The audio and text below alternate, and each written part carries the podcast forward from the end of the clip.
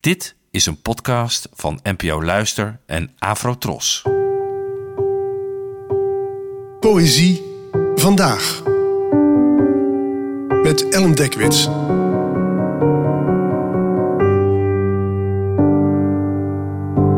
Hallo, fijn dat je luistert.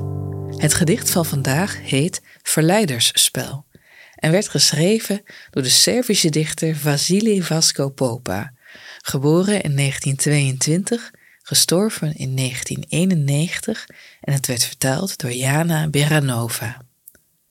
Verleidersspel. De een streelt de stoelpoot, tot de stoel zich verroert en lief gebaart met zijn poot.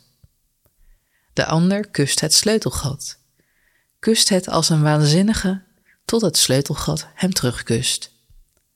Een derde staat terzijde, staart het tweetal aan, schudt zijn hoofd en schudt, tot het hoofd eraf valt.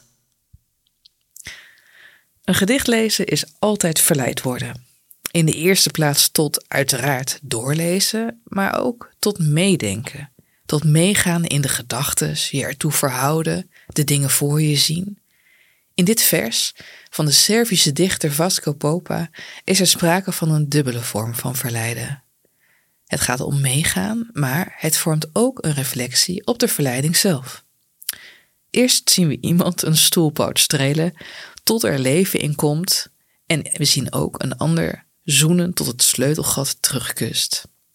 En bij mijn weten, maar misschien heb ik gewoon niet lang genoeg gestreeld of gekust met stoelen en deuren, kunnen stoelpoten niet gebaren en sleutelgaten niet zoenen. Dus hier is eigenlijk sprake van de verleiding van de geest. Net zo lang volhouden tot je gelooft dat de liefkozing wordt beantwoord. In dit vers van Popa loont het.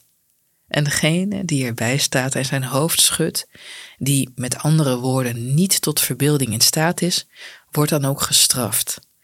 Zijn hoofd, die te weinig in zich had om zich over te geven aan fantasie, rolt eraf.